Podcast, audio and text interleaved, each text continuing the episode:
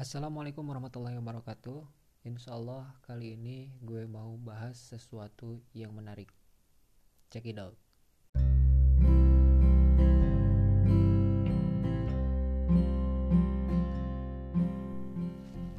Oke, beberapa hari yang lalu ketika lagi musimnya masa penerimaan siswa baru, ada salah satu anak kajian yang suka ngaji sama gue bilang kayak gini pak kayaknya gue gak mood deh buat sekolah lalu muncul pertanyaan dari gue kok kenapa gak mood kemudian dia bilang bahwa dia mendaftar di salah satu sekolah lanjut tingkat atas di Kecamatan Ranca. Kemudian dia ingin masuk salah satu jurusan yang dia favoritkan. Sebelum bisa memilih jurusan tersebut, dia terlebih dahulu harus melakukan tes untuk mendapatkan nilai rata-rata supaya dia bisa masuk jurusan tersebut.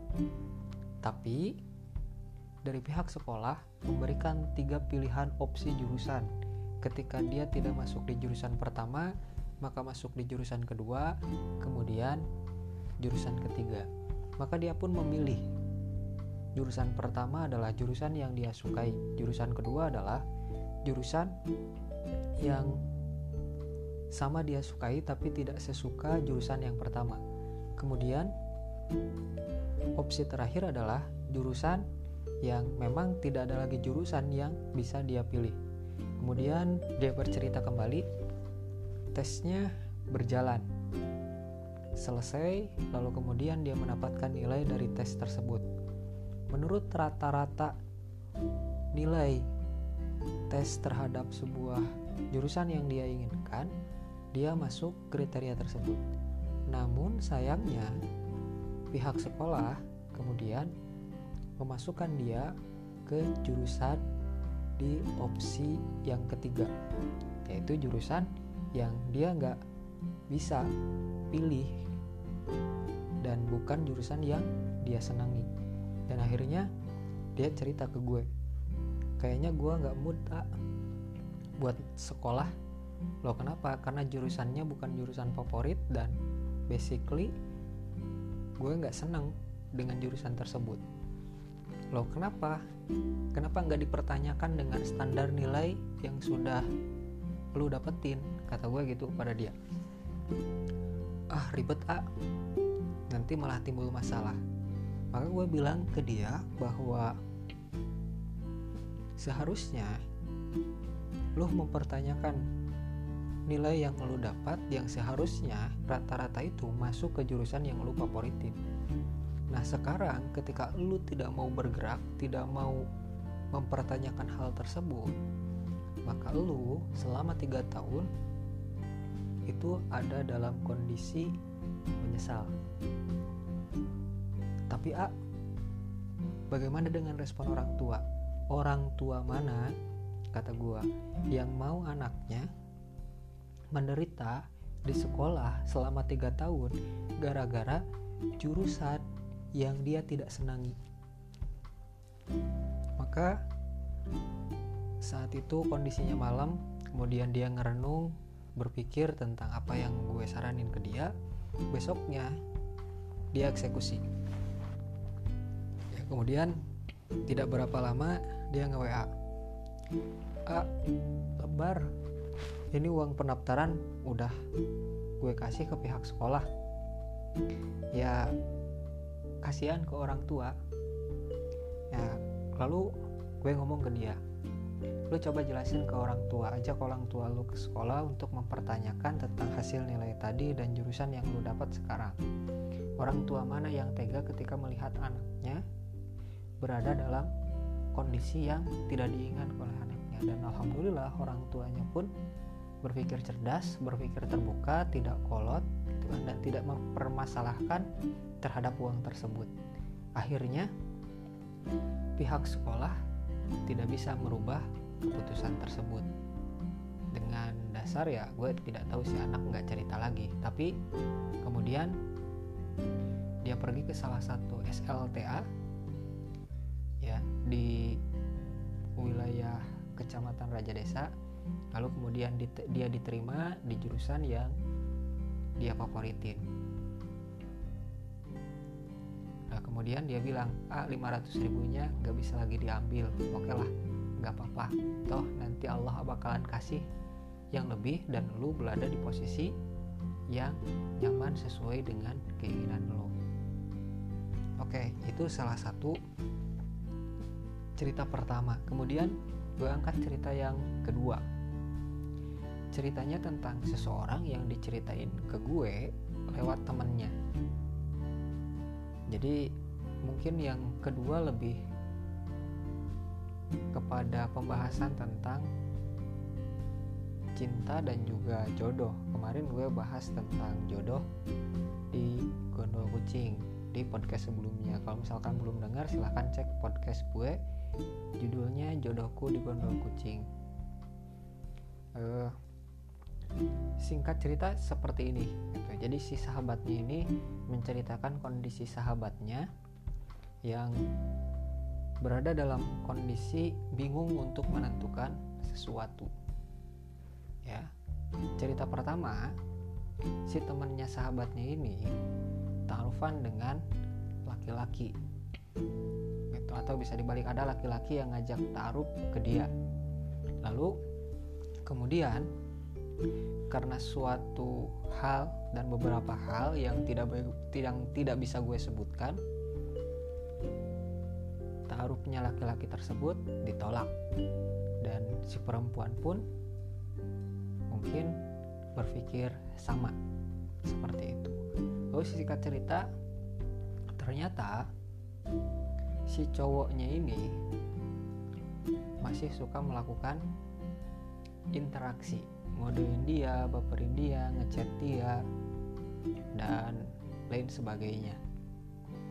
Hingga si perempuan tadi merasa dirinya terganggu dengan apa yang dilakukan si cowok tersebut. Dan temennya bilang ke gue gitu. Nah kemudian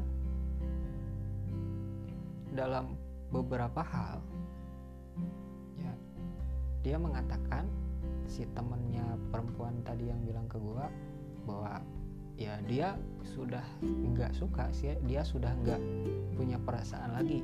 Dia nggak punya perasaan kepada si cowok. Tapi si cowok masih terus ganggu dia. Padahal gua kata si teman ceweknya tadi udah coba ngelurusin perkara tersebut ke si cowoknya. Tapi si cowoknya tetap bandel. Itu permasalahan kedua. Maka gue angkat tema kali ini tegas dalam memilih. Uh, kita paham bahwa sebagai seorang manusia yang Allah ciptakan dengan sempurna yaitu Allah berikan akal kepada manusia untuk bisa menentukan sesuatu. Dan ini menjadi hadiah yang begitu luar biasa yang diberikan Allah kepada manusia dibandingkan dengan makhluk-makhluk yang lainnya lalu kemudian muncul sebuah pepatah yang mengatakan life is choice hidup adalah pilihan. Kemudian dikuatkan dengan dalil di dalam Al-Quran surah Al-Balad ayat 10 wahadainahu najdain dan telah aku berikan dua jalan maka dari sini Allah memberikan sebebas-bebasnya kepada manusia untuk menentukan pilihan untuk memilih sesuatu. Allah membebaskan kepada manusia. Entah itu dia memilih untuk menjadi orang baik atau memilih untuk jadi orang yang tidak baik. Nah, kenapa Allah membebaskan seseorang untuk memilih sesuatu yang baik ataupun tidak baik? Karena tadi karena hal itu berada di dalam koridor kekuasaan manusia. Ketika hal itu berada di luar koridor kekuasaan manusia maka itu harus dia terima dengan sukarela. Karena kenapa? Karena dia pun tidak bisa melakukan perubahan tersebut. Dan bagi seorang muslim, ketika hal itu di luar koridor kekuasaan manusia dia faham bahwa hal tersebut adalah takdir dari Allah Subhanahu wa taala. Misalkan kita dilahirkan sebagai laki-laki atau sebagai perempuan, kita tidak bisa mengubah kodrat tersebut. Dan pasti tidak akan dimintai pertanggungjawaban. Tapi ketika kita merubah apa yang sudah Allah berikan kepada kita, maka itu akan dimintai pertanggungjawaban. Oke, kembali ke pembahasan kita sebelumnya bahwa selama itu dalam koridor kekuasaan manusia, maka manusia bebas untuk memilih baik itu adalah kebaikan ataupun keburukan. Nah, tapi terkadang ada manusia yang memilih jalan kebaikan. Lalu kemudian di dalam pilihan tersebut dia tidak memberikan kejelasan tentang apa yang dia pilih, kemudian kenapa dia memilih hal tersebut dan untuk apa dia memilih hal tersebut maka seyogianya ketika kita menentukan sebuah pilihan maka apa uh, apa yang menyebabkan kita memilih hal tersebut? Kenapa kita memilih hal tersebut? Dan untuk apa kita harus memilih hal tersebut? Seharusnya pertanyaan itu muncul dalam benak kita sebelum kita melakukan sebuah pilihan. Dan kita pun paham bahwa setiap pilihan pasti ada konsekuensi. Konsekuensi nilainya itu tidak selalu buruk. Konsekuensi nilainya bisa juga sesuatu yang baik. Hanya saja setiap pilihan pasti mengandung resiko. Analoginya seperti halnya ketika kita makan cabai, maka resikonya adalah pedas. Tidak mungkin kita menghilangkan resiko tersebut untuk bisa memakan cabai, kecuali misalkan cabainya langsung ditelan. Tapi kan kita berpikir nggak ada gregetnya sama sekali ketika kita makan cabai tapi nggak digigit nggak dikunyah maka salah satu kenikmatan makan cabai adalah ketika kita merasakan pedasnya cabai itu analoginya. Setiap pilihan pasti mengandung resiko. Semakin besar pilihan seseorang maka semakin besar pula resikonya. Ketika kita ingin menjadi orang yang kaya maka resikonya pun dan perjuangannya pun akan semakin kaya. Maka ketika dua permasalahan tadi muncul, yang gue tekankan kepada mereka adalah tegaslah untuk melakukan sesuatu. Tegaslah untuk memilih sesuatu. Jangan sampai karena berbagai hal studi lu berhenti. Sesu studi lu terbengkalai gara-gara lu salah dalam menentukan. Lu harus tegas. Ini hidup gue dan masa depan gue tergantung pilihan gue kalau misalkan lu pasrah dengan apa yang terjadi padahal itu ada dalam koridor pilihan lu maka apa yang terjadi di masa depan lu akan menyesal karena salah dalam memilih ketika di masa lalu. Begitupun ketika permasalahan yang kedua gue jawab ya lu beli ketegasan kepada si cowok. Ya lu bisa melakukan segalanya walaupun pada dasarnya akan muncul takut dia sakit hati ah takut dia marah lalu kemudian dia bikin sesuatu yang gak baik tentang gua yaitu resiko. Tapi setidaknya lu sudah melakukan sebuah pembatasan diri lu dari cowok yang pada dasarnya tidak mau melindungi cewek atas dasar kehormatannya. Ya jadi lu beli ketegasan. Seharusnya beri ketegasan kepada dia. Kasih tahu jangan ganggu lagi lah atau misalkan kontaknya lu blokir lah sosial medianya lu blokir lah dan lain sebagainya sebagai bentuk langkah preventif. Ya maaf lu nggak bisa lagi masuk dalam relung hati gua. Misalkan kayak gitu. Ketika lu tegas dalam menentukan pilihan maka resiko yang lu dapatkan pun jelas.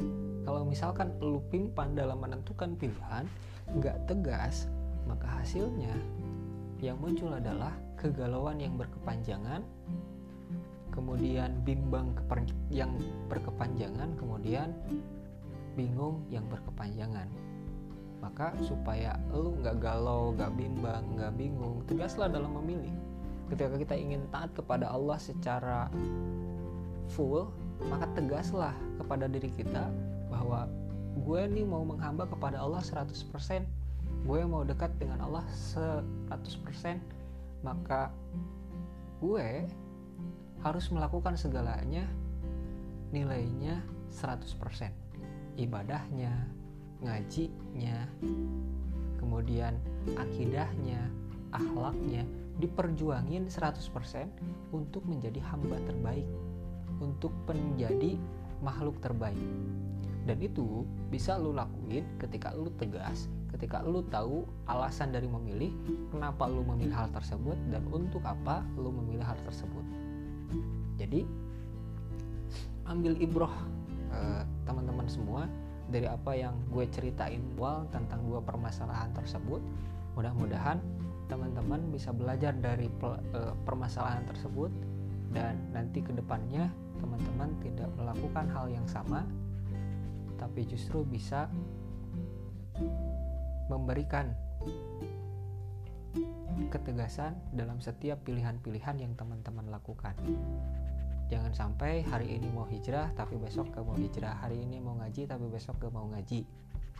Ya, maka temukan alasannya, lalu tegaslah kepada diri sendiri, tegaslah kepada lingkungan sekitar. Sorry, gue sedang hijrah, jangan ajak-ajak gue ke aktivitas selain daripada hijrah tapi dengan bahasa yang baik. Karena gue pernah dengar kalimat seperti ini dari Bang Fuad Naim. Perbedaan itu fitrah tapi persatuan itu perintah. Maka bersatulah. Maka mari kita membangun keserasian hubungan yang baik dengan lingkungan kita tapi kita tetap tegas dalam menentukan pilihan kita. Itu saja podcast gue pada kesempatan kali ini. Mohon maaf yang sebesar-besarnya. Jika ada kritik dan saran silahkan DM gue di at sifir underscore alfarabi Assalamualaikum warahmatullahi wabarakatuh